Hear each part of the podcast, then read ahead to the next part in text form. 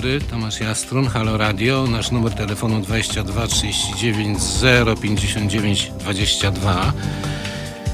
Będziemy dzisiaj mówić e, o sierpniu, o stoczni e, gdańskiej, o wielkim strajku, ale właściwie bardziej o drogach, które prowadziły do e, wydarzeń sierpniowych i do powstania Solidarności. Będę się bardzo starał, żeby to nie było nudne, bo ja wiem, że już niektórzy z Państwa szykują się, żeby e, wstać od komputera, e, bo e, jest w Polsce rocznicomania. Jest rocznica nieustannie po rocznicy, a z każdym rokiem rocznica jest coraz większa. Tak jakbyśmy się zbliżali, a nie oddalali od wydarzenia. Tak jest na przykład z Powstaniem Warszawskim, które bardzo szanuję, ale co przesadne, to niezdrowe, a nawet niebezpieczne. Więc te obchody będą bardzo huczne, chociaż to nie jest żadna okrągła rocznica. 31 yy, sierpnia, jeżeli się nie mylę, były podpisane te umowy, ale strajk trwał yy, już 26, czyli tak jak jest dzisiaj. Ja jeszcze akurat wtedy pojechałem do stoczni. Ja miałem tę wielką przyjemność, zaszczyt, szczęście, że, że przez te kilka dni od 26 właśnie w stoczni byłem przywiozłem apel intelektualistów do stoczniowców solidaryzujących się i tam już zostałem.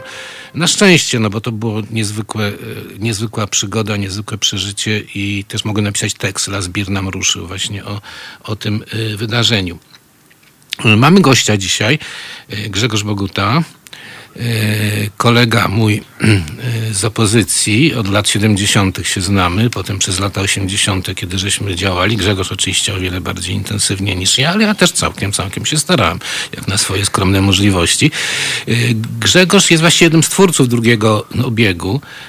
Ja bym chciał, żebyś kilka słów powiedział, co to był drugi obieg, jak, jak żeście na to wpadli. Tak krótko możliwie, mam, mamy dużo czasu, a jednocześnie tego czasu jest mało, bo wydarzenie jest wielkie. No tutaj trzeba się cofnąć do 76 roku, do strajku w Radomiu i Ursusie i e, represja, które spotkały robotników, a w ich następstwie powstał Komitet Obrony Robotników, którego jedną z form kom komunikacji e, ze, ze społeczeństwem były drukowane materiały. Wówczas komunikat koru, później powstał biuletyn informacyjny, i na początku to wszystko funkcjonowało jak taki definicyjny e, sowiecki samizdat. Ludzie przepisywali na, na maszynach e, po, po, kilka... Komunikaty. Sam tak, przepisywałem tak. na maszynie. I, I, czułem rzeczywiście, że się dzieje historia. I, i właśnie w takiej grupie e, raczej ścisłych umysłów, bo to i matematycy, fizycy, A chemicy. kim ty jesteś z wykształceniem? Co robiłeś wtedy? Ja wtedy kończyłem studia y, fizykę i chemię akurat i e, studiowałem razem z Piotrem Naimskim i Milkiem Chojeckim, którzy później zresztą byli głównymi, jednymi z głównych e, członków koru, tego tak zwanego młodego koru e, i ja się w jakiś sposób też nawet przez przypadek tam znalazłem, no ale to już mniejsza o to. I chodziło o to, żeby zastosować jakieś techniki drukarskie, które by pozwoliły nam e, w zawrotnym nakładzie 300-500 egzemplarzy wydawać te komunikaty, później biuletyn informacyjny i tak zaczęliśmy najpierw drukować na powielaczach spirytusowych, czyli zaczęło braknąć denaturatu w sklepach z tego powodu. Następnie już na, na bardziej profesjonalnych powielaczach tak zwanych białkowych, gdzie nakłady, które drukowaliśmy, dochodziły do kilku tysięcy egzemplarzy. I tak powstał właściwie cały ten niezależny ruch, w którym ogromną też rolę od, odgrywały sieci dystrybucyjne, kolportażowe, bo to było oparte na e, ludziach, którzy e, nie bali się nosić tę bibułę. Przechowywać. Przechowywać, potem rozdawać. No i tak, ta, takie były początki. No tak, ale to powstało niezwykłe zjawisko, bo tu trzeba powiedzieć o skali. To się zaczęło od tych skromnych biuletynów, prawda, e, przepisywanych na maszynie, potem e, powielanych na tych powielaczach spirytusowych i to się rozrosło do właściwie takiego niemal imperium. No. E, to, tego było więcej niż bodaj w czasie okupacji tych druków podziemnych. Rzeczywiście zaczęto wydawać potem pierwsze książki, pisma i u, u mnie zresztą w domu było składane, była składana pierwsza powieść yy, wydana yy, przez nie, niezależną oficynę wydawniczą Nierzeczywistość Kazi, Kazimierza yy, Brandysa. Pamiętam, Sam ją drukowałem. Widzisz, o, to jest niezwykłe. Ty ją drukowałeś, ona do mnie y, jakichś trzech silnych młodych ludzi w torbach przyniosło ją. Ja trochę byłem w strachu, bo to ja mieszkam na czwartym piętrze, wszystko było widać, jak oni te torby nieśli, a już wtedy trochę bezpieka y, węszyła, prawda? I, no i potem u mnie się y, w mieszkaniu się odbywało składanie. Całe mieszkanie było zawalone tymi kartkami, trzeba było je złożyć, potem jakoś spiąć. Była taka okładka fotograficzna, pamiętam. I, i cze, część tego trzymałem w piwnicy byłem w wielkim strachu, bo to strasznie mocno pachniało spirytusem, więc mog, mogłem być podejrzewany o pędzenie bimru. No ale wszystko się szczęśliwie y, skończyło. Ja chciałem dodać, że naprawdę ogromną rolę od, od, to w dzisiejszym języku mówimy E, rynek, tak? No jednak był, e, było duże zapotrzebowanie na, e, na taką literaturę, na teksty, które nie podlegają cenzurze i są w sposób wolny pisane i drukowane. I, i myślę, że właśnie przez to, że była taka chęć do czytania, która, która mnie no, zachwycała i w późniejszych latach już, zresztą po odzyskaniu niepodległości, wolności, już nigdy e, nie wróciły te czasy, no to, to, był, to było wspaniałe. Po prostu wielki ruch społeczny wokół e, niezależnej literatury to, powstał. To była pasja, to znaczy ludzie to czytali z pasją, chociaż literki były małe, druk był czasami nieczytelny, ta nierzeczywistość Brandysa nie była najlepiej wydana, to była ciężka praca. E, druk był gęsty, bo to chodziło o to, żeby jak naj... Na, najwięcej zmieścić z tekstu na jednej zmieścić, stronie. prawda? I żeby to nie ważyło za dużo, te książki ważyły. Ja też miałem potem magazyn i też miałem sklep, gdzie sprze sprzedawałem te książki, także ja miałem takie poczucie, uczestnicząc w tym, że, że jakby niesiemy to w tym mroku te światełka, że tych światełek jest coraz więcej, bo to był przyrost. Było coraz więcej tytułów, coraz więcej, potem zaczęły się pojawiać pisma, miesięczniki, kwartalniki, jak y, krytyka, prawda? Zapis. Zapis, no tak, oczywiście, zapis. To wszystko zaczęło rosnąć i z tego się stworzył cały właściwie w cudzysłowie podziemny y, świat, który miał na pewno dużą rolę, gdy chodzi o mm, powstanie Solidarności w różny sposób. A powiedz, jaka była twoja rola? Bo ty tam miałeś dosyć jakąś ważną y, pozycję, pamiętam. Ja byłem no, współzałożycielem Niezależnej Oficyny Wydawniczej i e, potem już od, e, od czasu, jak powstała Solidarność, a Mirek Chojecki zajął się współpracą z, z, już z legalną Solidarnością, w zasadzie przez ko kolejne 10 czy 11 lat y, zarządzałem y, tym ruchem, tą, tą firmą. Znaczy no, nie, głównie nową, głównie tak, nową. Nie używaliśmy tego y, określenia firma, prawda, hmm. to by, w, w, tamtych czasach. No i, a, a, jednocześnie to już później w, w okresie podziemia, nawet Tomku pisałeś o tym, powstał fundusz wydawnictw niezależnych, tam mieliśmy pewien spór E, na, e, na temat e, wezwania, no ale to już były dawne czasy. Wyparłem, wyparłem. Sporów było w sumie niewiele na początku, bo byliśmy jedną rodziną i była wspólna sprawa. Tak, to nas tak. szalenie jednak łączyło, to jest to, co teraz kompletnie się rozprysło. Ale ja tu chciałbym jedną rzecz dodać, że rzeczywiście w stoczni niezwykle istotne było słowo drukowane też no, wspominany przeze mnie w naszej rozmowie wcześniejszej Konrad Biliński, który w zasadzie zorganizował w stoczni druk i, e, i wychodził przecież codziennie e, biuletyn e, Solidarność, tak? I to dzięki talentom Konrada, e, tym technicznym talentom, wszystko tam działało bez zarzutu. A tu w Warszawie w, w sierpniu e, no, było takich dwóch młodych ludzi, Jeden się nazywał Zbyszek Bujak, drugi się nazywał Zbyszek Janas. Mhm.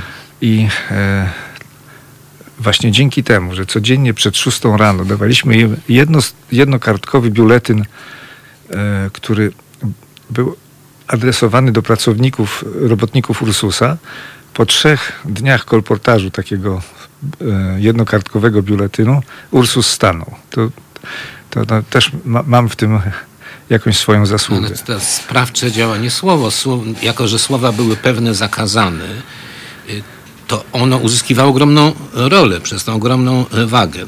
Tak jak w świecie kłamstwa, prawda, y, to jest jak wystrzał armatni. To trochę było y, takie działanie. Powiedz, czy ty się czułeś zagrożony wtedy? Miałeś poczucie niepokojów jakichś? I...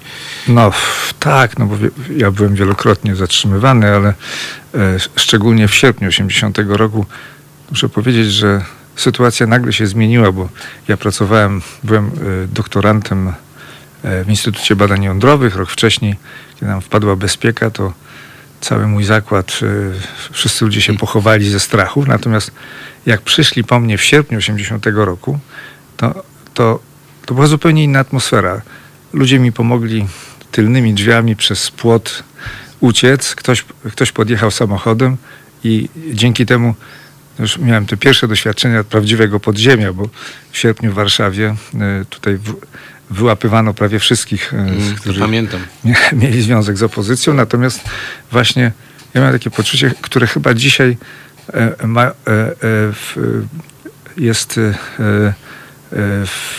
dla Białorusinów czymś nowym i, takim samym, prawda? Niesamowita pomoc społeczna, serdeczność, e, wszyscy się do siebie uśmiechają i pomagają sobie. Po prostu solidarność. I właśnie tak. Po prostu Solidarność, więc ta nazwa potem się nasunęła jakby e, samoistnie. E, e, a powiedz czy ty byłeś w stanie potem kontynuować karierę e, naukową, czy zrezygnowałeś z tego? E, Ja e, z, z, e, w, później byłem internowany i w, w, trakcie internowania e, napisałem doktorat, który właściwie już jako bezrobotny e, naukowiec obroniłem ten doktorat. Próbowałem jeszcze przez parę lat prowadzić taką działalność równoległą, to znaczy byłem jednocześnie na- stypendystą e, SKN-u, czyli e, mm, Społecznego Komitetu Nauki. Robiłem jakieś prace naukowe, ale tak w zasadzie to zajmowałem się o, przez 24 godziny na dobę niezależną oficją wydawniczą. Ja cię pamiętam ciągle zakrzątanego, tam jak nasze ścieżki te podziemne się łączyły, zawsze byłeś ogromnie, ogromnie e, zajęty. E, My wrócimy jeszcze do stoczni, potem będziemy dzwonić do Krzysia Kasprzyka, autora piosenki do córki. Mieszkaniec Kanady jest teraz w Polsce. E, Ta piosenka zrobiła niezwykłą karierę i nadal jest ciągle cytowana. Krzysztof był też w stoczni gdańskiej, podobnie jak ja. Ty nie mogłeś być w stoczni, bo Nie. ciebie e, szukano wtedy na gwałt. I dla mnie jest pewnym paradoksem, prawda, jak to się układa życie. Czy gdyby ktoś ci w, tym czasie powiedział, że, że będziesz mm, oficjalnym wydawcą na dużą skalę i że będziesz miał hodowlę psów, psów rasy husky, zresztą. Ja się przypadkiem o tym dowiedziałem. Pro- Mój synek dziesięcioletni ma kompletnego bzika na punkcie psów husky, wyje jak husky, porusza się jak husky. Kompletne szaleństwo. Musimy się naprawdę kiedyś umówić i musisz pokazać, to on będzie w siódmym y, niebie. Y, y, Jak to się stało, że y, zająłeś się tym? No, jeśli chodzi o psy, to, w, też trochę przypadek. Tak samo jak e, przypadkiem było to, że się zająłem e, podziemnym e, wydawnictwem. No to w, ogóle w życiu jest wiele, wiele przypadków, tylko trzeba chcieć. Znaczy, jest takie ładne powiedzenie, że czasami, czasami przypadek wie, co robi. Tak, no i w moim przypadku tak jest. No, ja bardzo, bardzo cenię te, te przypadki. No i, no i mniej więcej 16-17 lat temu z, z moją wczesną żoną, Angielką zresztą, e, w, zaczęliśmy hodować, hodować psy rasy husky i, potem... Dlaczego husky? Właśnie spodobało mi się. Tak, no, Mają charakter. bo mają charakter, bo są bardzo niezależne, bardzo niezależne i e, nie zaprzyjaźniają się z nikim. Same, same decydują o tym, kto, ma, kto może się nimi zajmować. I nie tak jak inne psy, które dostają miskę i już y, zaprzyjaźniają się z, z tym, kto im miskę daje. Po prostu to one decydują, kto, kto ma być ich przyjacielem, a kto nie. I to ja, ja to bardzo lubię właśnie. To, No, to, też, ta, też taki takie jesteś. poczucie wolności. Tak. Taki jesteś. Dlatego zresztą wi- wiele psów haskich niestety jest w schroniskach, ponieważ one lubią uciekać, uciekają właścicielom Słyszałem to. i to jest, to jest ni- niestety wada. No i jak to się ułożyła ta, ta twoja hodowla? Bo ja cię widzę na zdjęciach, jak biegasz e, dziarsko na różnych e, konkursach, Wystawach, tak. wystawach, e, pokazując jaki jest piękny chód, różne medale. To w ogóle jest jedna z większych hodowli w Europie, słyszałem. No tak, ja już, ja już staram się w, trochę z tego, z tego wycofywać, ale były takie lata, gdzie po całej Eu- Europie jeździ, jeździliśmy, y, światowe wystawy, europejskie wystawy i nawet podnosiłem trochę sukcesów. No, jest przyjemnie wygrać światową wystawę w Paryżu, e, kiedy kiedy większość ludzi kibicuje lokalnemu e, francuskiemu hodowcy, prawda, a, a wygrywam ja z Polski, no to, to, to było bardzo miłe. A e, powiedz, e, e, e, czy to jest bardzo czasochłonne zajęcie? No niestety bardzo. To jest, e, e, jak, jak ma się jednego czy dwa, dwa psy, chodzi się z nimi na spacer, to, a tutaj jest odpowiedzialność 24 godziny na dobę. To jest, No tak jak z grupą dzieci, prawda? No tak, to jest, e, A nie można zakładać pieluszek. no nie To za bardzo. jest tak. chyba e, dosyć kłopotliwa część. Tak, no to jest, e, to jest bardzo kłopotliwa część. Ja, ja wyliczyłem, że, że rocz, rocznie w tej hodowli to jest ponad 3 tony odchodów psich. No tak, no tak. A y, czy, ale czy y, właśnie taką ideą to, był, to, to, był, to były sprawy finansowe, czy y, A, absolutnie nie. To znaczy jest, jest takie powiedzenie, że jak może hodowca zostać milionerem? Musi być miliarderem. Czyli właściwie to jest piekielnie trudne hobby i, i na tym się w zasadzie nie zarabia. To jest... Mhm. Trzeba, trzeba, trzeba sobie, ci, którzy chcą zarabiać pieniądze, lepiej niech szukają jakichś innych pomysłów na biznes.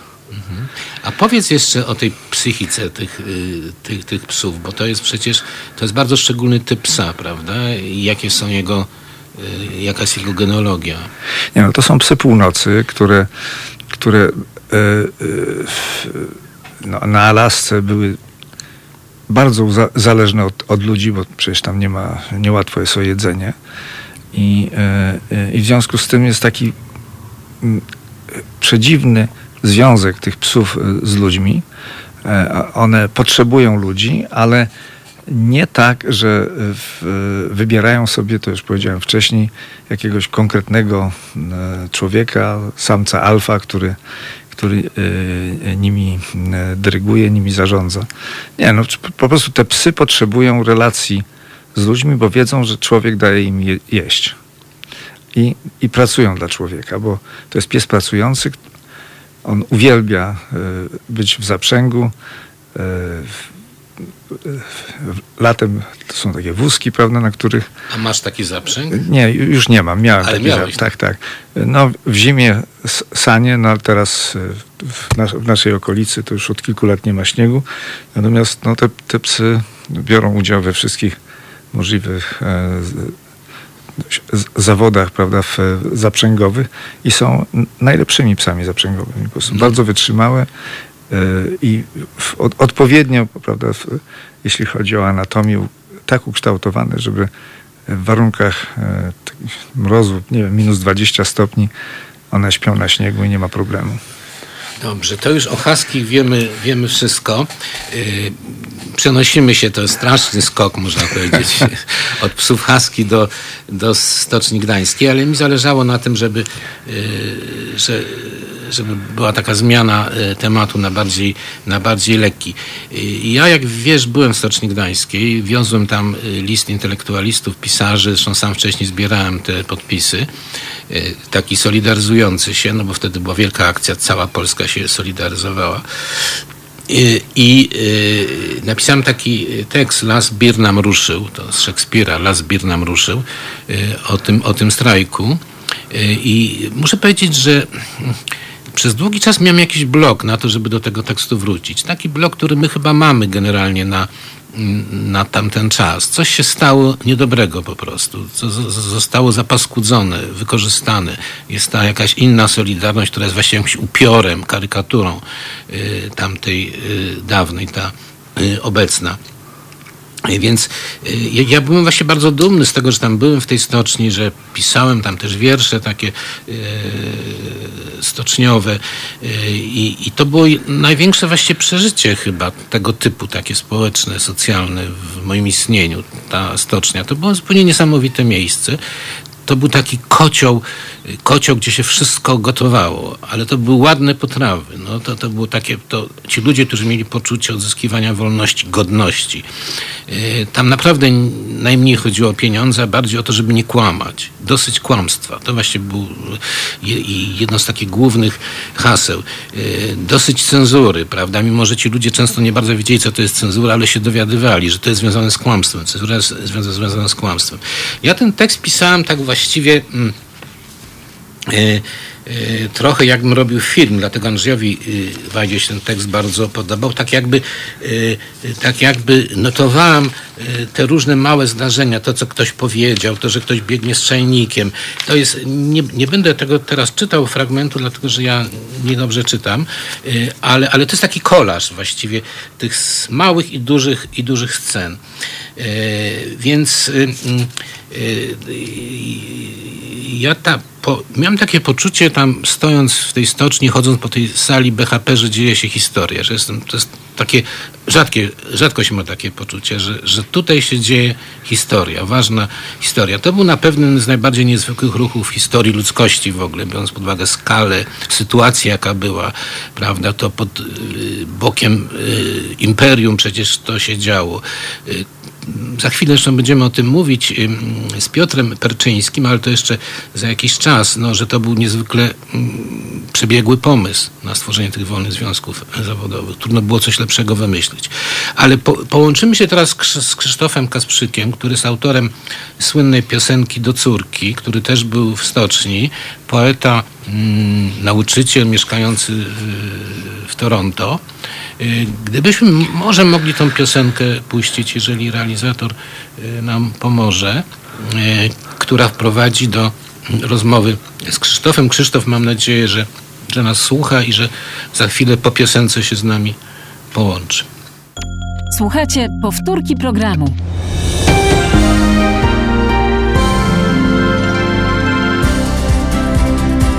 Halo Radio. Pierwsze radio z wizją.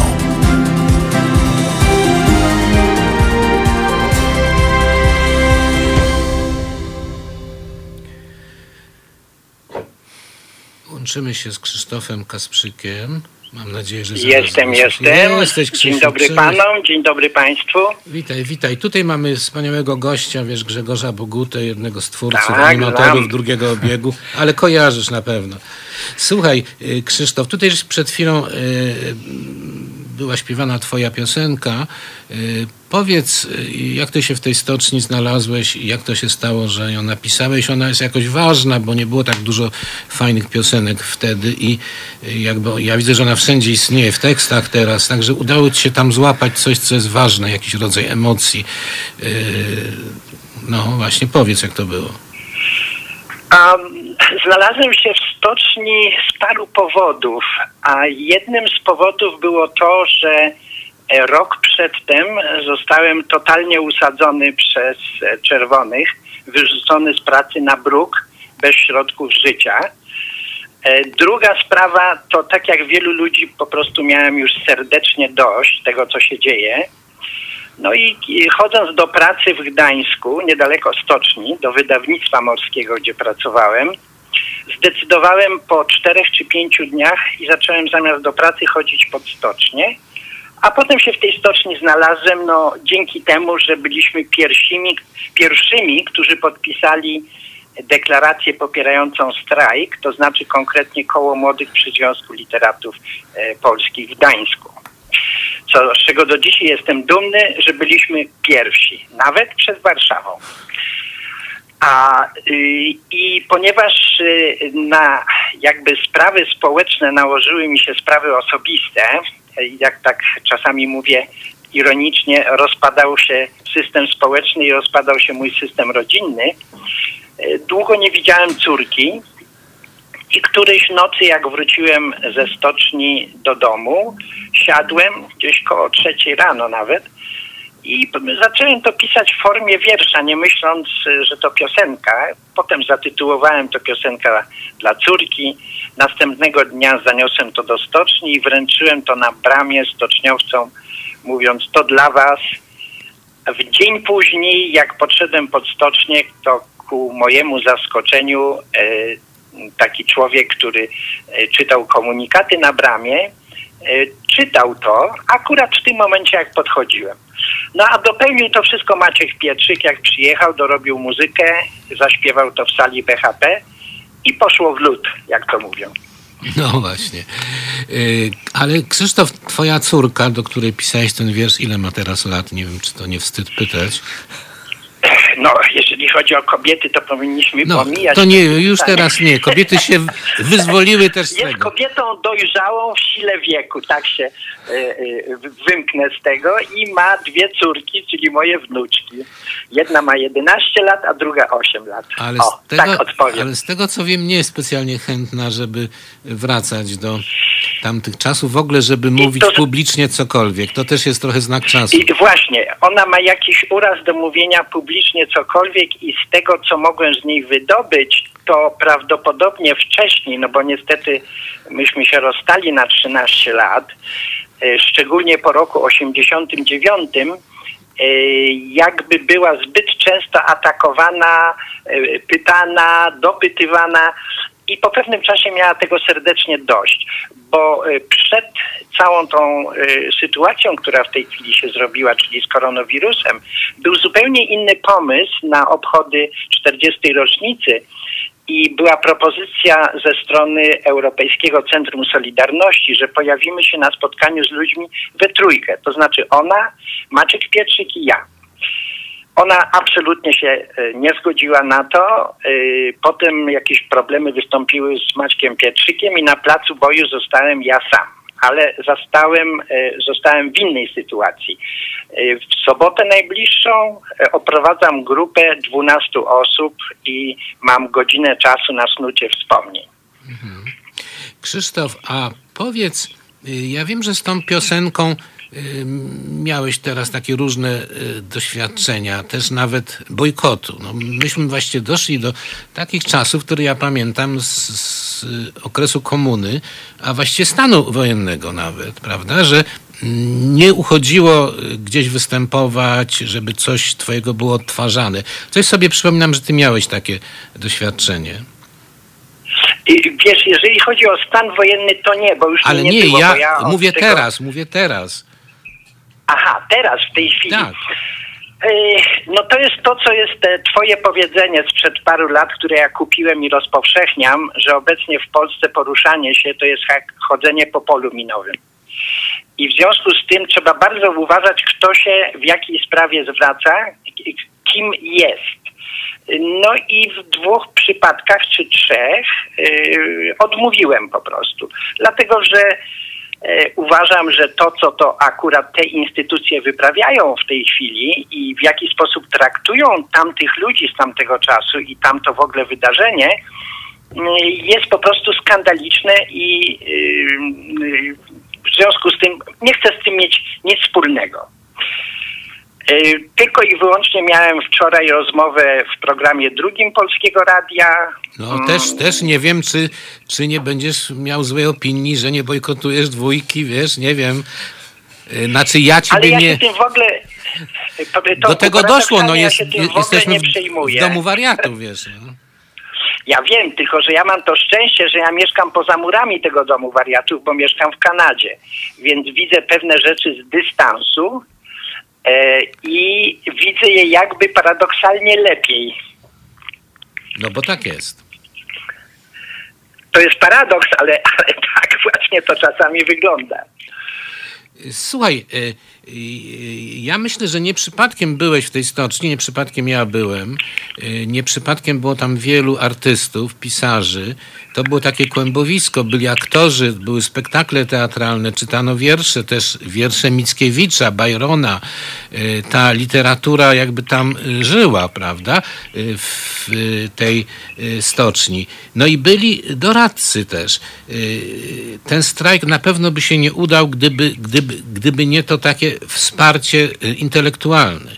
I zresztą to, co było takie niezwykłe w tej stoczni, co było zresztą potem w Solidarności, to było to y, y, ta wspólnota y, intelektualistów, pisarzy, profesorów, robotnikami, z klasą robotniczą, z tym, co, co miało Tak. być istotą systemu, ale byli to ludzie właściwie zepchnięci na bok. Właśnie po raz pierwszy się, się stało takie marzenie trochę, y, prawda, komunistyczne, że, że, że to się wszystko zlało, prawda, że byliśmy razem i czuliśmy solidarność, y, sympatię ogromną, podziw, odkrywaliśmy, że są jacyś inteligentni i prawi robotnicy, prawda? Że tak dobrze mówią, że tak dobrze myślą i byliśmy od nich z Dokładnie. dala, prawda? I to nagle ogromne ciśnienie nas wszystkich wtedy połączyło. A ty pamiętasz, Krzysztof? Aha, chyba, że masz I, coś i do przepraszam. Tomku, mów, coś ci chciałem do tego dodać, bo to nie, bo y, na to się złożyły doświadczenia dwóch dat, 68 roku i roku 70. I dlatego te dwie, y, te dwie formacje z tamtego czasu jakby się spotkały w roku 80 właśnie w stoczni. A teraz przepraszam cię, zadaj jeszcze raz pytanie. Nie, nie, bo to już mi, to już mi chyba ono z głowy yy, wyleciało, wiesz, Krzysztof, to pytanie, które miałem yy, zadać. Yy, Natomiast yy, ja myślę, że, yy, że, że, yy, że to właśnie mm, to, że Geremek, intelektualista wyrafinowany, świetnie tam się dogadywał z robotnikami, że Wałęsa tak nam rósł, prawda, i, i, i, i, i, że, i że stał się nam bliski, stał się jakby symbolem. To, to wszystko było bardzo niezwykłe. Krzysztof, y, będę Ci chyba dziękował, chyba że masz jeszcze coś, y, coś do powiedzenia, co jest dla Ciebie y, ważne, bo my tak jakby podprowadzamy pod tą, wiesz, Solidarność. Ja wiem, że Ty się przyjaźniłeś y, z twórcą napisu y, Solidarność, prawda? I byłeś świadkiem, jak on... To jest mój przyjaciel do dzisiaj. Jak się nazywa, przypomnij? Jurek Janiszewski i ten znak powstawał na moich oczach dosłownie, bo, bo ja go wprowadziłem do stoczni i jak wróciliśmy, to on się zabrał za porządkowanie tego bałaganu w sali BHP. On ma taki instynkt graficzny porządkowania rzeczywistości wokół. No i zaczął robić ten znak i następnego dnia ten znak e, razem pojechaliśmy do stoczni. Jurek go przedstawił i dostaliśmy zgodę natychmiastową na drukowanie. Wynosiliśmy, wychodziliśmy ze stoczni obwinięci papierem, e, który mieliśmy schowany pod koszulą i pod kurtką. Dotarliśmy do znajomych w Sopocie i na sito druku zaczęliśmy to drukować. Tam dodatkowo dorzuciłem jeszcze jedną cegiełkę w postaci złośliwego odbicia trzy razy tak, czyli 21 razy tak. No i to był ten nasz wkład wspólny. No i Krzysiu, to gdybyś go nie ściągnął do stoczni, to by nie było tego napisu Solidarność. Yy, to, to, to, i tu muszę się przyznać, że on sam się pchał do tej stoczni, Aha, no ale wiedząc, że ja tam jestem, wykorzystał to. No fajnie. Krzysztof, bardzo Ci serdecznie y, dziękujemy. Ja również bardzo dziękuję. Pozdrawiam panów i pozdrawiam państwa. Teraz poprosimy o mały przerywnik muzyczny. To jest powtórka programu. Halo Radio.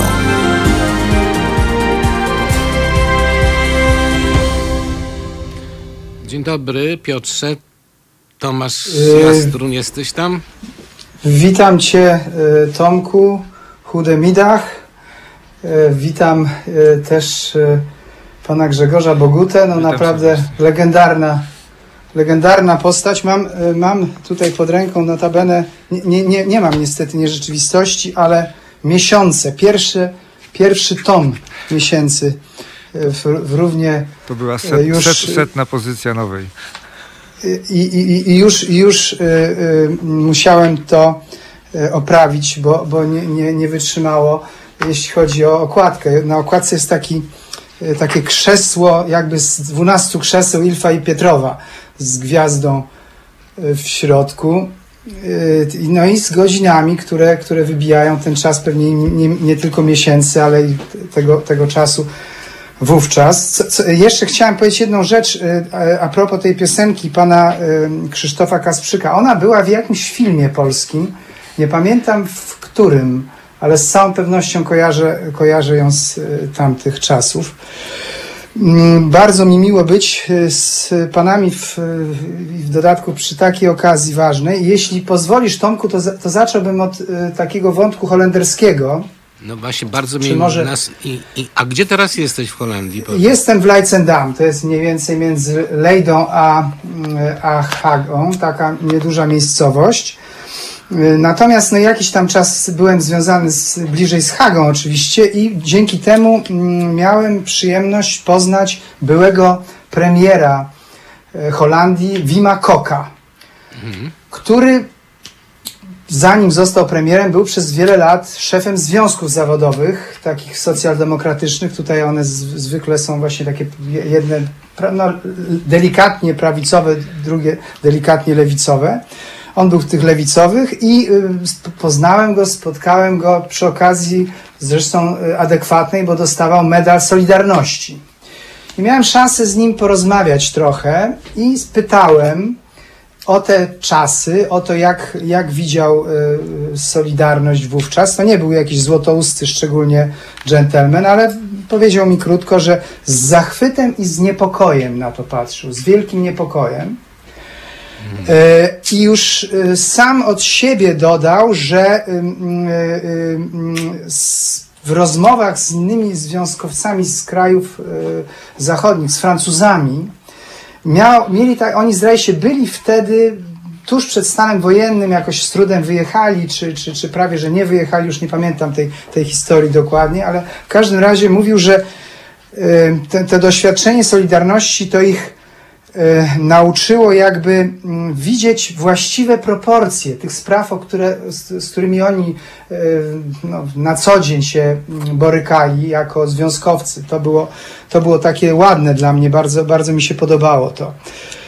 Y, Natomiast wracając jakby do tego wątku, któryś ty poruszył wcześniej na temat tego, jak, jak politycznie powiedzmy to wyglądało, czy to było bardzo przemyślne, czy, czy to był jakiś świetny pomysł, to, to jeśli pozwolisz, tak żartobliwie bym nawiązał troszkę do, do Machiavellego. No, tak ci su sugerowałem. E, Tak. Czy, czy, znaczy z punktu widzenia ówczesnej władzy był to pomysł szatański. To jest pewne, że oni tak to odebrali. Nawet pewnie niektórzy kombinowali, kto im to wymyślił. A to się tak ułożyło jakby samo, można powiedzieć, w jakimś sensie. Chociaż oczywiście e, ta rola tych e, doradców tam na, pewno była duża. Ale też był taki spryt ludowy w tym, się wydaje. I taki trochę spryt Wałęsy również. O, dokładnie o, o, o Wałęsie zaraz, zaraz powiem w, właśnie w kontekście Machiavellego, ale to, to oczywiście masz rację, no to związki zawodowe, no to, to, to w, w, kraju e, demokracji ludowej, no je- jest, jest to w dodatku w tych związkach jest mnóstwo członków partii, tak? Więc y, to, to jest, to jest nie, nie, niełatwe dla y, władzy na pewno. Natomiast władza oczywiście, o niej nie, nie, nie, nie, mówiliście, ale władza rozgrywa też swoją taką makiaweliczną y, partię. To znaczy, mm, no, jakby ma z całą pewnością pomysł, żeby to, żeby to, y, y, żeby to zniszczyć, żeby, żeby, żeby to jakoś tam rozwalić. Ja myślę, ja, ja mam takie odczucie, że, te, że ta, ta władza mniej więcej tak samo jak, jak Solidarność nie chce wejścia sił radzieckich z tak zwaną pomocą bratnią.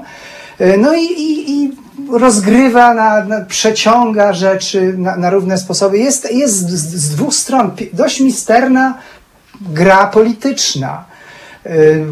W szalenie trudnej sytuacji oczywiście jest kierownictwo Solidarności, które jest pod wielkim naporem no mas, można tak powiedzieć. No nie, nie można, trzeba, bo to jest, bo to jest y, ruch rzeczywiście y, no, 10-milionowy, masowy. Mas, które się radykalizują, bo to jest on typowy dla Tak. takiego ruchu, że on się radykalizuje, tak jak każda rewolucja, a to miało formę y, rewolucji jednak, prawda? Oczywiście, oczywiście, z całą pewnością. Odwaga troszkę tanieje, jak, jak to kiedyś Sandauer powiedział. E, I no właśnie, no jest ta czołówka. I tutaj właśnie ten Machiavelli mi przychodzi do głowy, ponieważ wydaje mi się, że Wałęsa to byłby, no oczywiście to, tak możemy sobie e, alternatywną historię tworzyć, te, tego nie, nie dowiemy się nigdy, ale to byłby ulubiony e, bohater Machiavellego, ponieważ Wałęsa no z jednej strony jest odważny, on miał olbrzymią słabość do, do, do ludzi odważnych, a z drugiej strony no jest uwikłany w jakieś te sprawy nie, nie, niejasne, y, które, y, które zresztą no jakby ciągną się za nim do dziś, te, te, te, te problemy, z, z którymi on jakoś nie potrafi y, sobie poradzić, je uciąć w jakiś sposób.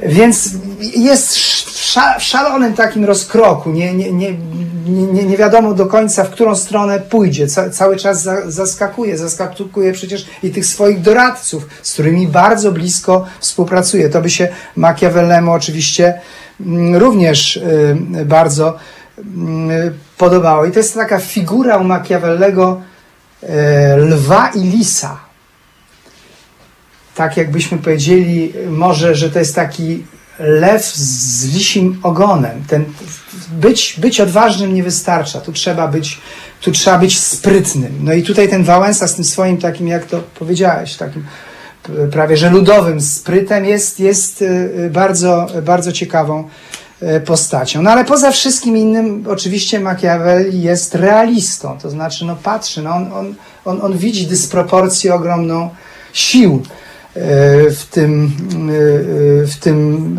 e, momencie dziejowym.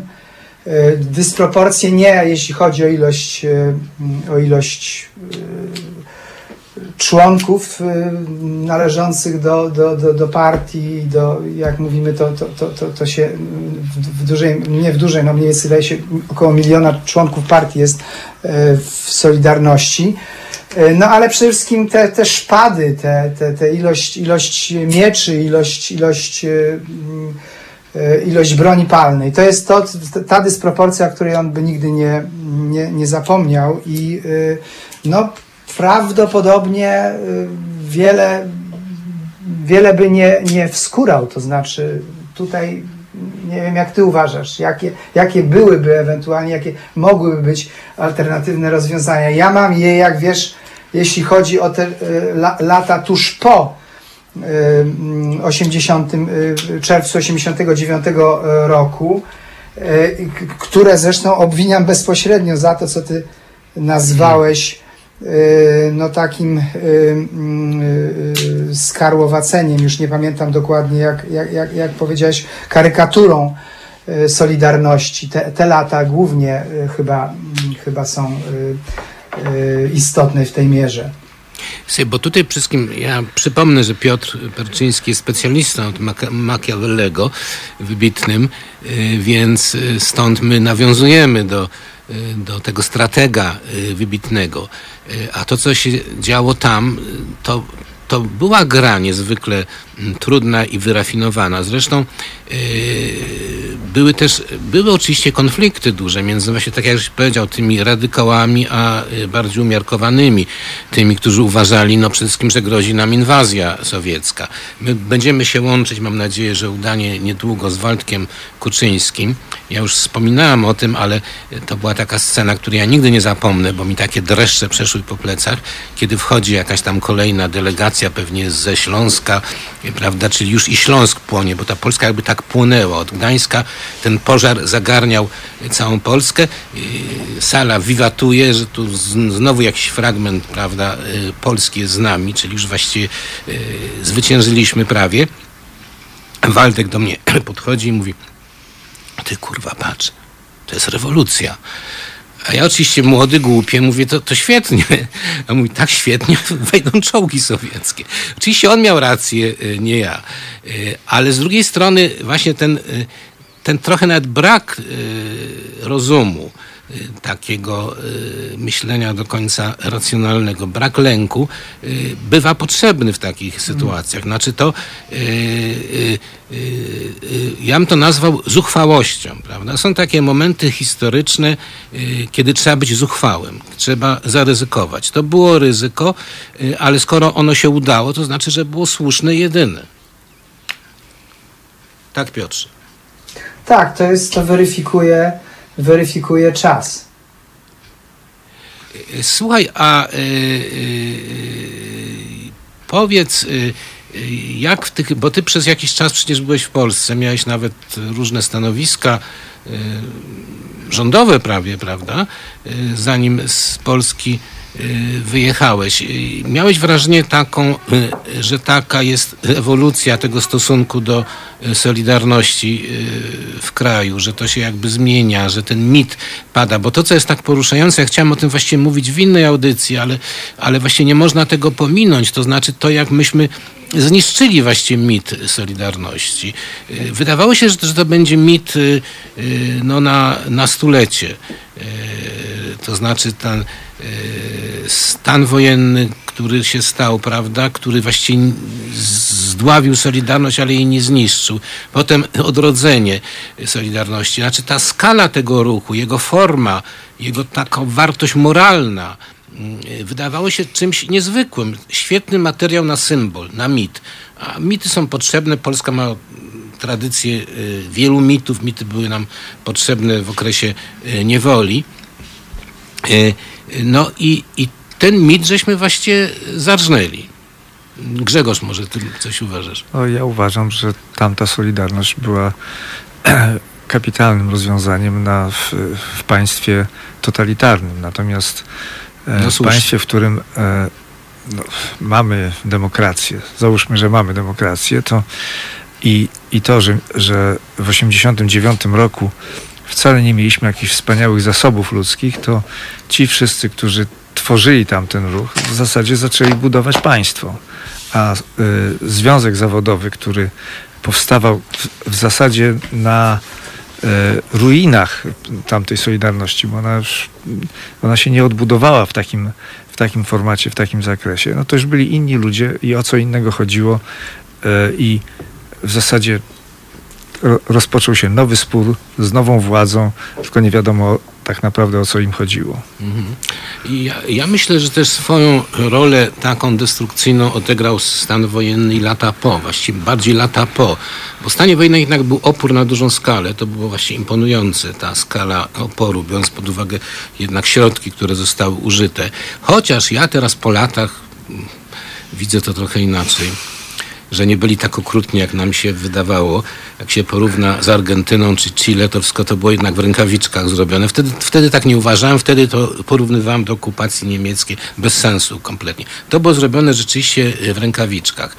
Ale i nie było właśnie prawie w ogóle ofiar, a jeżeli to jednak były mniej lub bardziej przypadkowe. Także to biorąc pod uwagę skalę ruchu i skalę operacji, to właściwie było dosyć niezwykłe. Tak mi się wydaje. No to ukłon kierunku generała Jaruzelskiego jednak. Natomiast to, co się działo potem, ten okres gnilny był taki, kiedy to zaczęło gnić. To było właśnie tak, ja mam, miałem wrażenie, że gnije Solidarność już, to nasze podziemie też gnije i się komercjalizuje, co ja zauważyłem, a komercjalizacja demoralizuje ludzi i gniła władza. Ja trochę miałem takie poczucie, że właśnie w 1989 roku te dwie ledwie żywe instancje się, tak się zwaliły, tak jakoś, tak już to tak się spruchniało i tak się zwaliło. I, I, to zresztą miało pewnie jakiś, no i jednak ten okrągły stół tutaj, ja jestem absolutnie za tym, że trzeba było tak to zrobić. No, mo, może mieć inne pomysły po czasie, ale to każdy jest mądry po, po czasie, że, że, że to było racjonalne i że to ta zmiana jednak była sensowna bardzo, jedyna możliwa chyba. Piotrze, jesteś tam? Tak, tak, jestem. No, szereg bardzo ciekawych rzeczy panowie poruszyliście. No, rzeczywiście to się nie, to się nie, nie odbudowało. To, to o, czym, o czym ty mówisz, o tej dotkliwości stanu wojennego, no oczywiście z perspektywy ofiar wujka i innych ofiar, to, to, to inaczej to wygląda, ale słyszałem kiedyś profesora Kule, mówiącego w, na Uniwersytecie Koźmińskiego, który, który na pytanie, jak możliwy był okrągły stół, to właśnie powiedział dokładnie to, co ty. To było możliwe, ponieważ te, te, te, te dotkliwości stanu wojennego były mniejsze niż ludzie się spodziewali. Oczywiście nic dwa razy się nie zdarza, jak no, noblistka nam już to pięknie powiedziała i, spodziewać się, że po, po, raz drugi wygeneruje się taki entuzjazm dziesięciomilionowy w innych zupełnie warunkach, prawda? To jest tak jakby, nie wiem, powstanie i, i, i, i, w parę lat później kolejne powstanie. Tu trzeba, trzeba oczywiście jakiegoś czasu. Natomiast ja bym jednak y, wsk- wsk- wskazywał na ten czas po, y, y,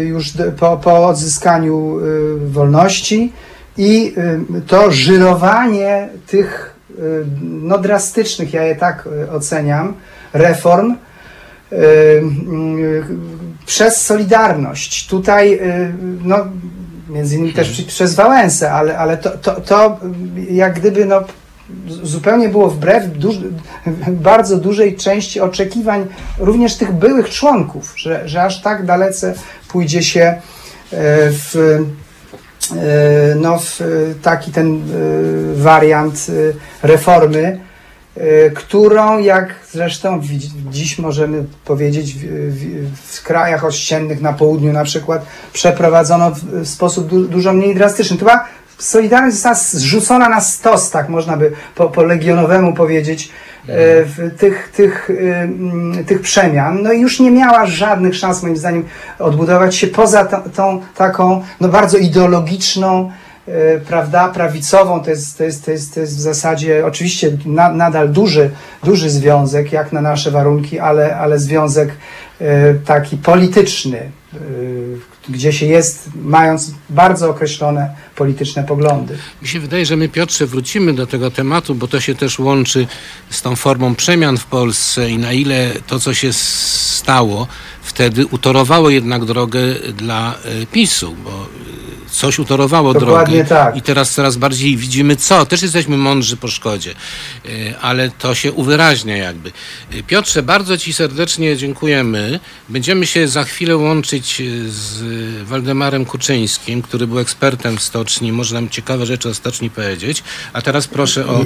Ja wiem i, i Aha, w, jeśli mogę tylko na koniec powiedzieć, Mów, że z wielką, wie, wie, wielką uwagą słuchałem kiedyś pana Waldemara Kuczyńskiego u ciebie, chyba w pierwszym twoim e, programie, e, kiedy on mówił o tym, że e, właśnie, no, to zresztą jest fa fakt znany i wiadomy. On miał propozycję bycia tym wicepremierem i ministrem finansów pierwszym e, tak jak i profesor Trzeciakowski, również te, te, to, to, są znane fakty, powszechnie powiedziałbym, przynajmniej jeśli chodzi o Ministerstwo Finansów, te, te, te, te obszary. E, I, że, I to, że powiedział, że jego największym odkryciem był, e, był Leszek Barancerowicz, nie, niemal jak profesor Steinha, Steinhaus, który powiedział, że jego największym matematycznym odkryciem był Banach. A e, ja uważam, że akurat profes- pa- pan Waldemar Kuczyński byłby rewelacyjnym, po prostu genialnym ministrem finansów na tamte czasy. Ale to rzeczywiście na inną Mam rozmowę. nadzieję, że nie Dziękuję słyszy serdecznie. i nie cierpi z tego powodu. Dziękuję Nie, nie. Piotrze. Dziękuję. Dziękuję serdecznie. Do widzenia. Słuchajcie powtórki programu.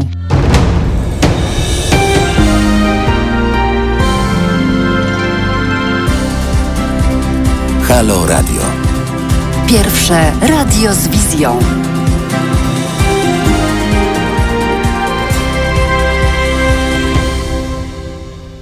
Dobry Waldku, słyszysz mnie? Tak, dzień dobry Tomek. Witaj, ja, witaj. a ty jak mnie słyszysz? Ja cię słyszę bardzo dobrze i chciałem ci powiedzieć, że na pokładzie z nami jest Grzegorz Boguta, którego znasz Aha. Cześć Waldku. Aha. i nawet wiem, żeście kiedyś lecieli helikopterem razem. Tak, tak, tak. Pamiętasz? Oczywiście. Pamiętam jak wcinał, bo to chyba on tak, wcinał, wiesz, taki wielki płant chyba polędwicy otrzymanej z darów z zachodu i żeśmy tą polędwicę żarli na, o, na oczach tych mili, którzy nas eskortowali. Ale jeszcze powiedz skąd, dokąd żeście lecieli, bo tu słuchacze nie wiedzą. Lecieliśmy, lecieliśmy z, ar, z więzienia w Białęce do super luksusowego obozu internowania w Jaworzu na Pomorzu Drawskim na poligonie, na słynnym wielkim poligonie Paktu Warszawskiego.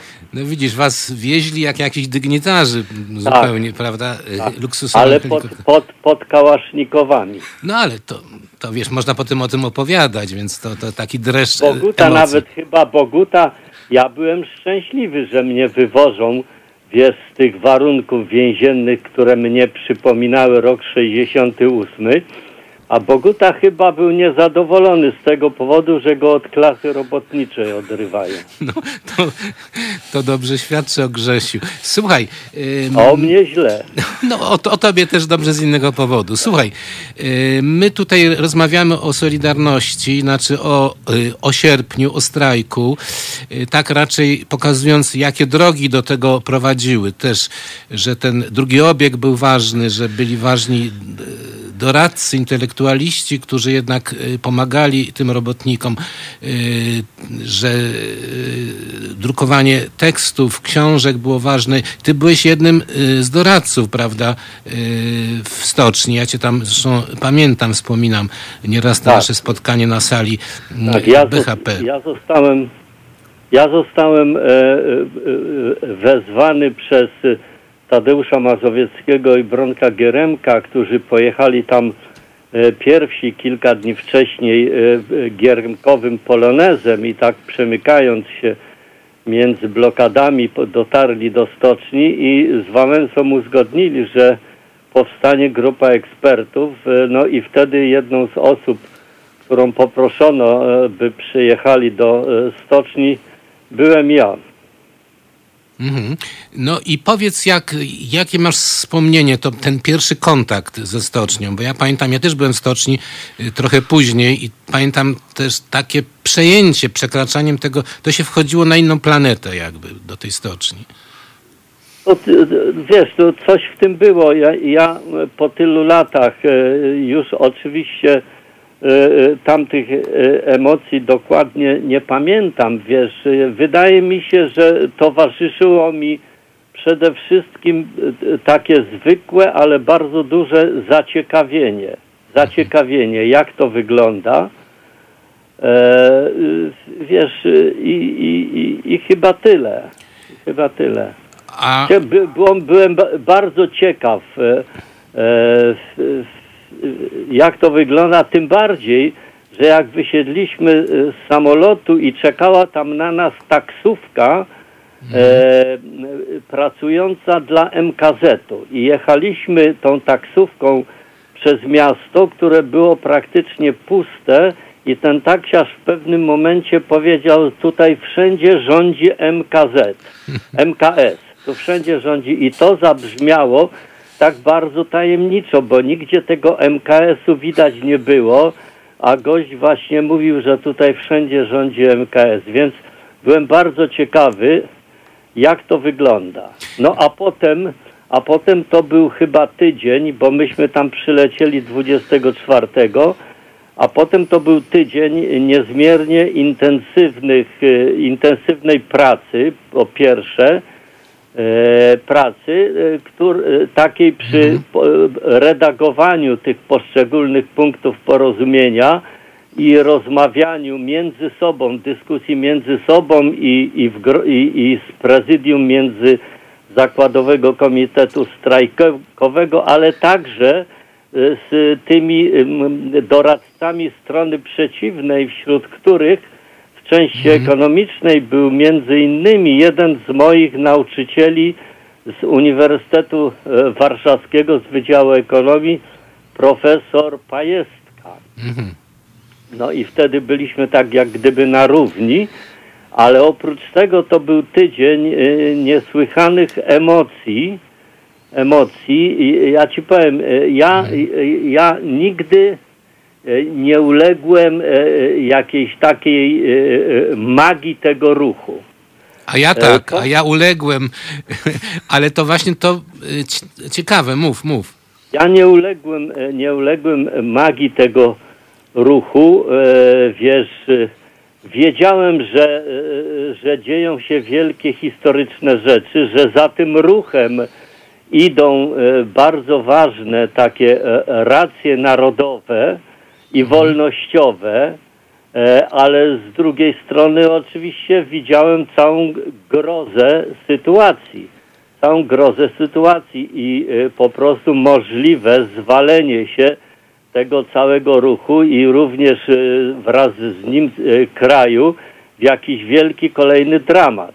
Więc do dzisiaj, wiesz, do dzisiaj, jak ja słucham takich pięknych opowiastek o 16 miesiącach jako karnawału Solidarności, a wiadomo, że karnawał to jest wesołość, radość, poczucie beztroski, relaksu i tak dalej, e, to po prostu pukam się w czoło, bo to jest, e, to jest moim zdaniem zakłamywanie tych 16 miesięcy.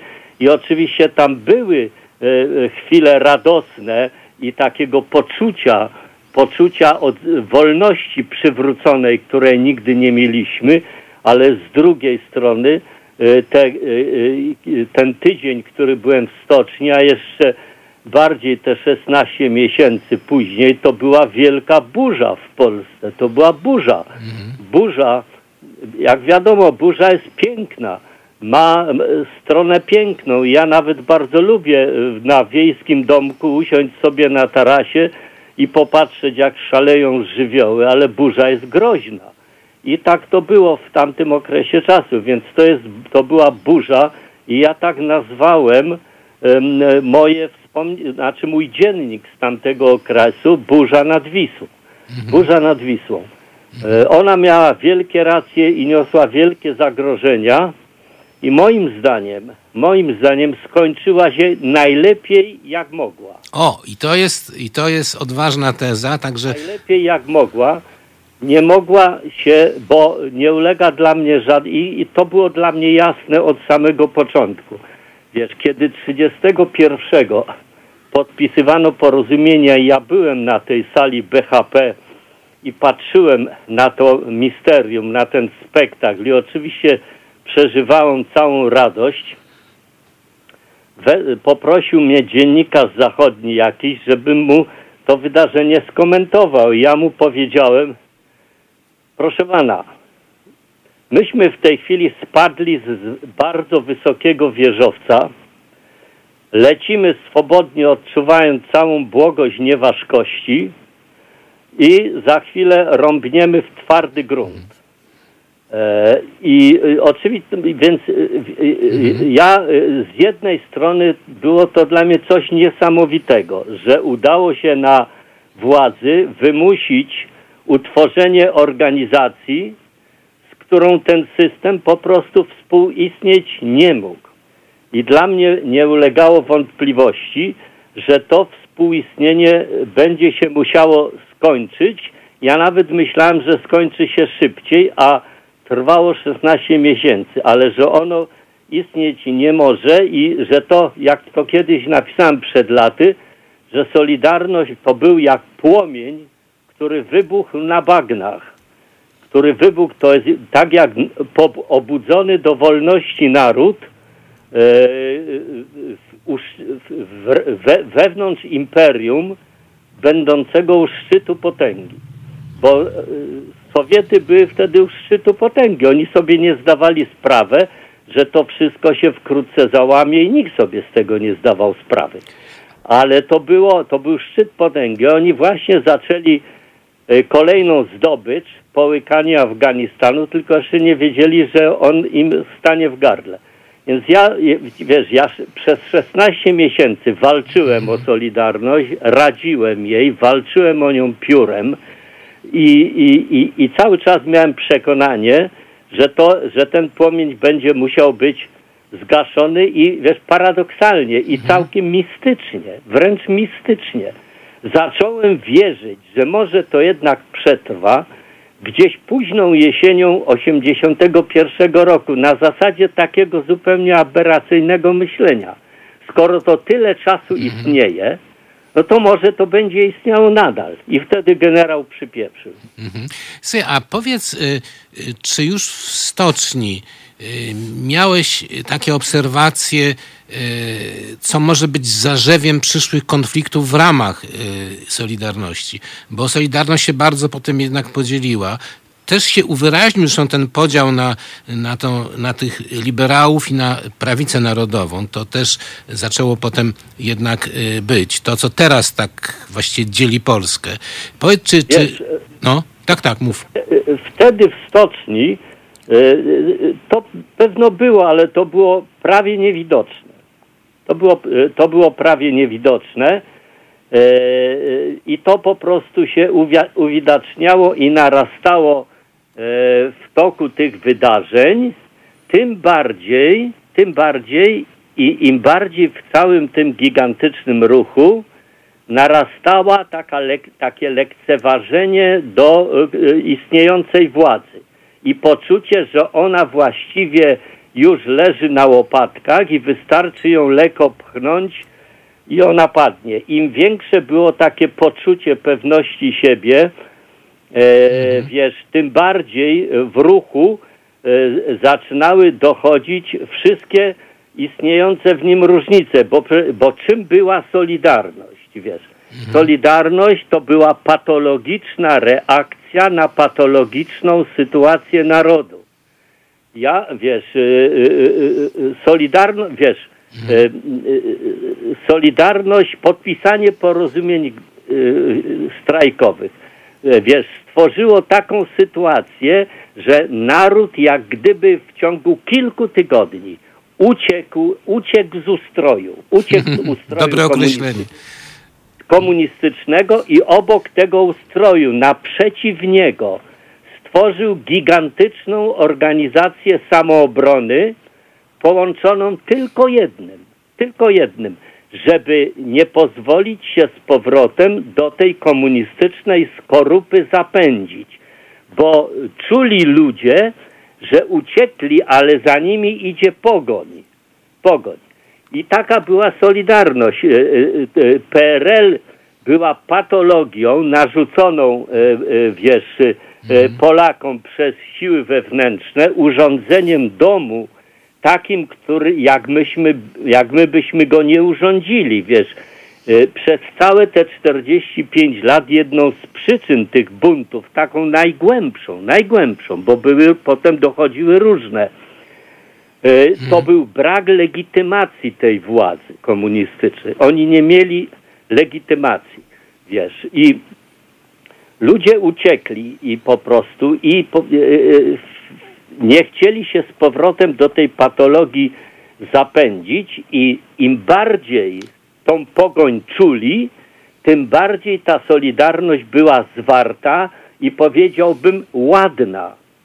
Im e, mniej to zagrożenie e, się e, było odczuwane, im bardziej ten, ta komuna wydawała się być już pobita, tym bardziej Solidarność się zaczynała rozłazić i ujawniały się różne brzydkie jej strony, bo to jest nieprawda, że Solidarność to było 10 milionów aniołów. To było 10 milionów zwykłych ludzi z wszystkimi zwykłymi sprawami. Jedną rzecz z rzeczy, jednym, jednym z artykułów, z tekstów, który mnie najbardziej zirytował po roku 89, był artykuł Jacka Żakowskiego e, w Gazecie Wyborczej pod tytułem Coś w nas pękło, coś się zmieniło. O, to taki pamiętam. znany artykuł Pamiętam go, tak, tak. w którym on właśnie pisał, że my byliśmy tacy piękni w okresie Solidarności i nagle staliśmy tacy, się tacy zwykli i nawet e, paskudni, jak odzyskaliśmy wolność. To był fałsz. To był fałsz wynikający z elementarnego niezrozumienia sytuacji przez Jacka i w okresie Solidarności i po roku 89 po prostu.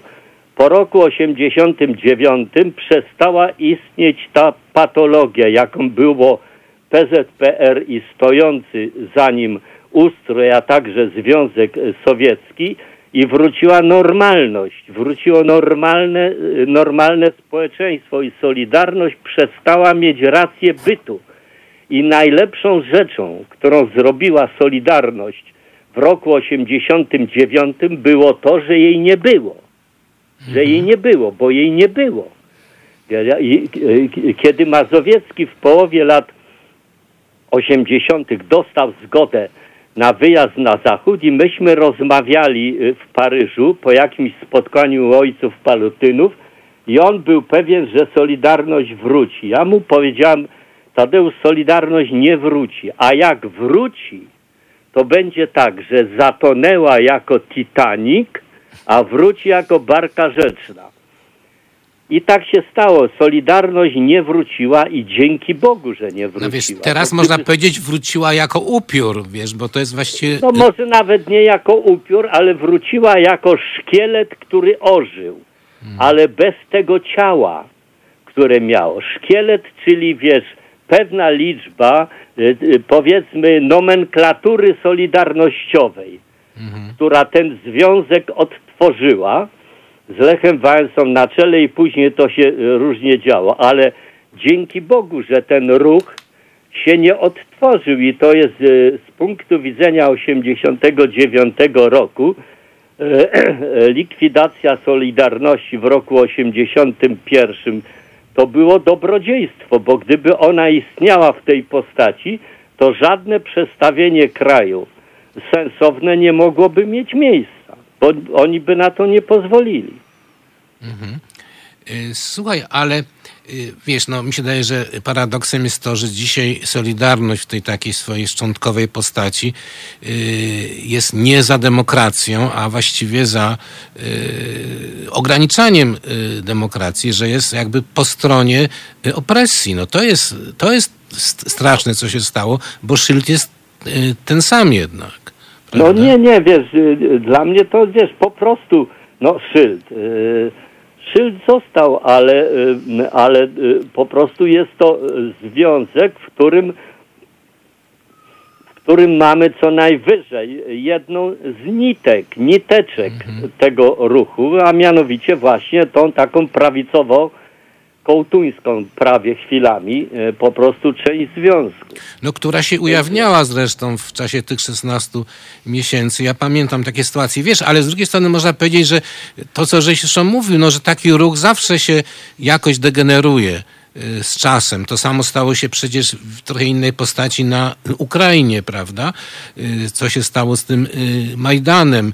Y, Białoruś jest na początku tej drogi. Zobaczymy, jak to tam będzie się rozwijać, ale, y, ale też y, taki moralny wkład, on nigdy y, nie żyje y, za długo. To zawsze są y, tygodnie, miesiące, a potem to się przekształca, bo nie może być inaczej prawdopodobnie. A powiedz mi, słuchaj, bo mm, to, to właśnie mi zdumiewało w, tej pierwszej Solidarności, ten brak, brak jednak świadomości, że to zmierza do katastrofy. Właściwie ona była minimalna. Y, Nikt się prawie nie spodziewał. Właściwie no, stan wojenny był jednak y, zaskoczeniem prawie dla wszystkich. Nie był zaskoczeniem dla Andrzeja Wajdy. Ja pamiętam, pracowałem wtedy w regionie Mazowsze, przyjechał Wajda.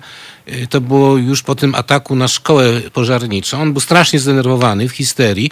Chciał się widzieć z Bujakiem. Bujak był w Gdańsku. Y, No i mówi, że oni to zrobią że, że on jest absolutnie pewien. I Nie miał z kim rozmawiać, nie miał komu to przekazać. Pamiętam, że go odprowadzałem kawałek i, i tak mówię, no ale także oczywiście byłem naiwny. No. Mówię, no przecież to będzie rewolucja, zakłady będą się bronić.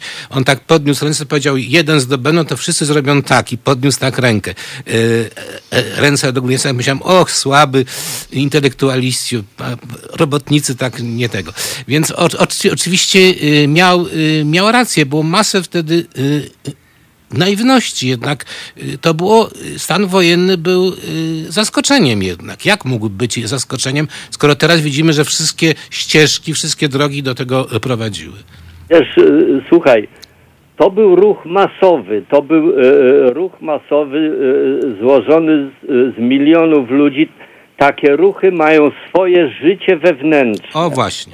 Mają swoje wewnętrzne życie, wiesz, e, e, które modelować e, jest niezmiernie trudno. E, w jakimś niewielkim tam stopniu można, ale e, modelować zachowania tego ruchu, jego myślenia, jego emocje e, jest e, praktycznie niemożliwe. Solidarność była, e, wiesz, e, e, poddawana powiedzmy takiej próbie jej modelowania i dostosowywania do realiów, e, w jakich e, to wszystko istniało. Bo mówi się, wiesz, jest taka teza, którą Jadwiga wymyśliła, że Solidarność to była samoograniczająca się rewolucja. To jest moim zdaniem kolejny mit. Ta rewolucja się samo nie ograniczała. Ona była ograniczana. Ona była ograniczana przez e, kręgi, głównie przez kręgi intelektualne, które z nią związały, wiesz, e, związały się i które z nią szły, była, e, wiesz, moderowana przez Kościół, który doskonale sobie e, e, z tego zdawał sprawę, e, czyli ona, czyli to była rewolucja na uwięzi, na uwięzi, p- e, próbowano ją trzymać e, w pewnym sensie na smyczy, w, wiesz, ale y, wiesz, żeby można było temu ruchowi nadać jakiś racjonalizm, to było niemożliwe i to zresztą, y, wiesz, y, bo co by to oznaczało? To by oznaczało, że ten ruch zostałby zgaszony. Bo on między innymi dlatego miał siłę, że nie miał tej świadomości zagrożenia. O tak. Dlatego był tak odważny. Tak odważny. Więc y, y, ja się temu y, absolutnie nie dziwię, wiesz, że ten stan wojenny był zaskoczeniem, bo prawdopodobnie wszyscy wyczuwali, że coś się szykuje, a z jednej strony ruch się po prostu nie mógł do tego jakoś ustawić, no bo nie mógł. Wiesz, i ja chcę, ja chcę jeszcze powiedzieć jedną rzecz, Tomek, co mi wydaje się ważne że Solidarność, e, wiesz, e, dlatego e, zrobiła moim zdaniem sporo dobrego dla kraju, tylko dlatego, tylko, e, jeśli tak mogę powiedzieć, w duecie ze stanem wojennym. O, Właśnie dlatego, właśnie dlatego, że Solidarność została zgaszona przez akcję generała Jaruzelskiego 13 grudnia.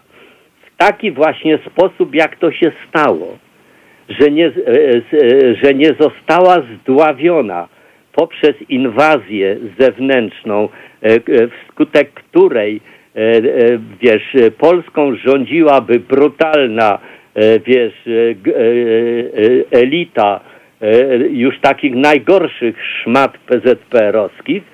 Dzięki temu e, Polska jak gdyby w idealny sposób weszła w rok 89. Gdyby e, w roku 89 na czele Polski stali tacy ludzie jak w Rumunii Czałszewsku, a gdyby Solidarność po prostu została zdławiona przez interwencję zewnętrzną, a nie przez bardzo łagodny stan wojenny, jak na e, skalę operacji i, i tego, co oni musieli zrobić, to wtedy żadnego okrągłego stołu by nie było i przejście Polski e, od jednego ustroju do drugiego byłoby o niebo bardziej skomplikowane i prawdopodobnie efekty, moim zdaniem wspaniałe efekty po 30 latach sądząc, e, tego przejścia i tej budowy, mimo tego, co mamy w tej chwili, byłyby zupełnie inne. Więc e, w jakimś sensie e, e, temu e, e, ten dobry wkład Solidarność zawdzięcza świętej pamięci generałowi Jaruzelskiemu, jeśli tak mogę powiedzieć. Kiedyś bym na ciebie wskoczył z wielkim Ja wiem. gniewie, ale teraz czuję to podobnie, w stu procentach. ale powiedz, czy ty żeś, kiedy y, widziałeś generała ogłaszającego stan wojny, nie wiem, czy ty zdołałeś go zobaczyć, bo ciebie internowali od razu. Y, co, co wtedy czułeś? Czy, bo ja, ja czułem taką żywą y, nienawiść, chociaż miałem taki odruch, kiedy o piątej zobaczyłem generała, bo ja krążyłem po Warszawie i budziłem ludzi, wiesz, i y, nie wiedziałem, co się dzieje, a w ogóle byłem pewien, że to jest inwazja sowiecka poprzedzona uderzeniem polskiej bezpieki. Ale muszę powiedzieć, że kiedy o piątej rano u znajomych y, y, obejrzałem generała, odetchnąłem z ulgą jednak. No, że to jest on, a nie, a, a nie y, Sowieci, więc tą świadomość miałem. Ale oczywiście uważałem generała za zbrodniarza przez jakiś czas i że zasługuje w ogóle na karę śmierci, że jest zdrajcą.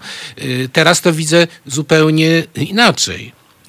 Co? Ja, e, No właśnie. wiesz, ja, e, ja generała, ja, ja go osob, generała Jaruzelskiego poznałem osobiście, oczywiście dopiero w roku 89, ale w roku 81 ja byłem obserwatorem e, Solidarności w Komisji Rządowej do Spraw Reformy Gospodarczej i na posiedzeniach tej komisji e, się, e, był obecny na większości. To było dla mnie, wiesz, e, zaskakujące. Był obecny generał Jaruzelski, który temu e, przewodniczył, a może tylko po prostu był jednym z, ale chyba przewodniczył e, tym posiedzeniom. Mm, Wiesz, ja go wtedy po raz pierwszy mogłem widzieć, jeśli tak można powiedzieć, e, prawie twarz w twarz z bliska jego zachowania.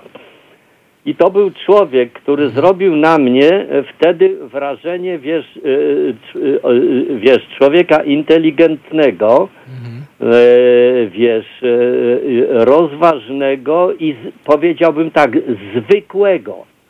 Zwykłego. On nie miał, ja przyznałem trochę różnych takich komunistycznych, e, wiesz, dygnitarzy. On nic z tego dygnitarstwa w sobie nie miał. Wiesz, on zadawał e, e, e, e, rozsądne pytania, spokojnie dyskutował, przywiązywał wielką wagę do tego, jaki będzie odbiór społeczny takiego czy in, takiej czy innej decyzji.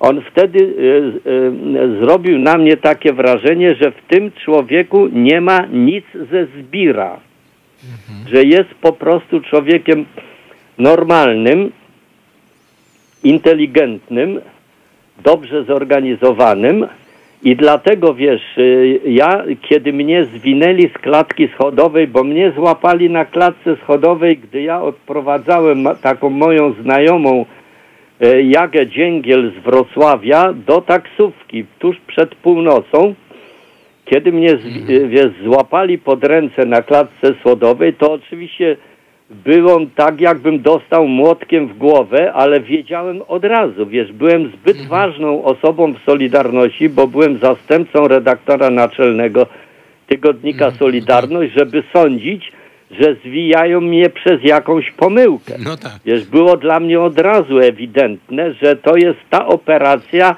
e, e, na którą ja, której ja jak gdyby wypatrywałem przez 16 miesięcy i że właśnie z, stało Zaczęło się, się. i zaczy, zaczynają likwidować Solidarność. Wiesz, więc byłem ogłuszony, ogłuszony i nie mogę powiedzieć, że miałem jakiś wybuch nienawiści. Absolutnie, raczej takie ogłuszenie, ale wiesz, kiedy y, w więzieniu na Białęce, w wielkiej takiej sali przyjęć, nas tam rejestrowano, e, rejestrowano i przy i zjawiła się Małgosia Łukasiewicz jako z tygodnika Solidarność, jako jedna z zatrzymanych i powiedziała mi, że e, e, ekipę, że stan wojenny wprowadził Jaru, powiedziała wszystkim, że stan wojenny wprowadził Jaruzelski i że zamknęli również ekipę Gierka, to ja po raz pierwszy poczułem ogromną ulgę, że przynajmniej mnie nie rozwalą No tak.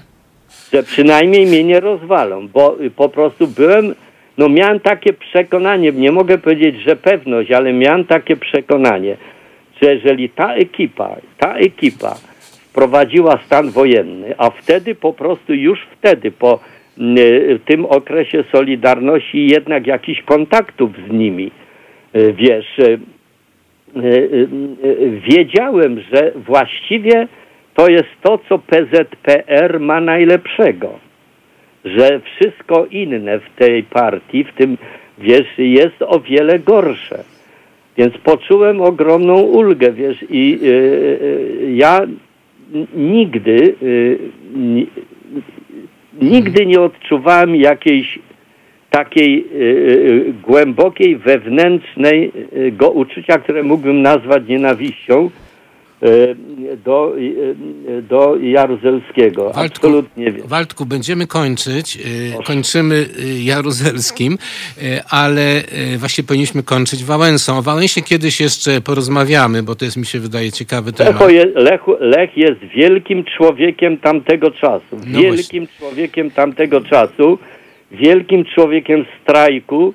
Wielkim człowiekiem 16 miesięcy. Jednym z jego najbardziej podobających mi się powiedzeń było, że jak e, będzie trzeba e, coś robić, to ja pierwszy pójdę i ostatni ucieknę. Ale ucieknę. Nie dam się zabić. Dobrze.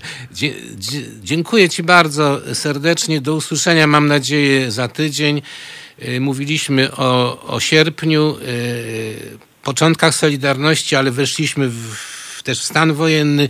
Y, No, wszystko się ze sobą łączy. Nie, nie można się zamykać w jednej przestrzeni. Nawet mówiliśmy o psach husky dla urozmaicenia.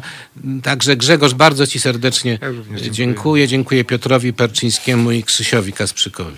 Dziękuję Państwu.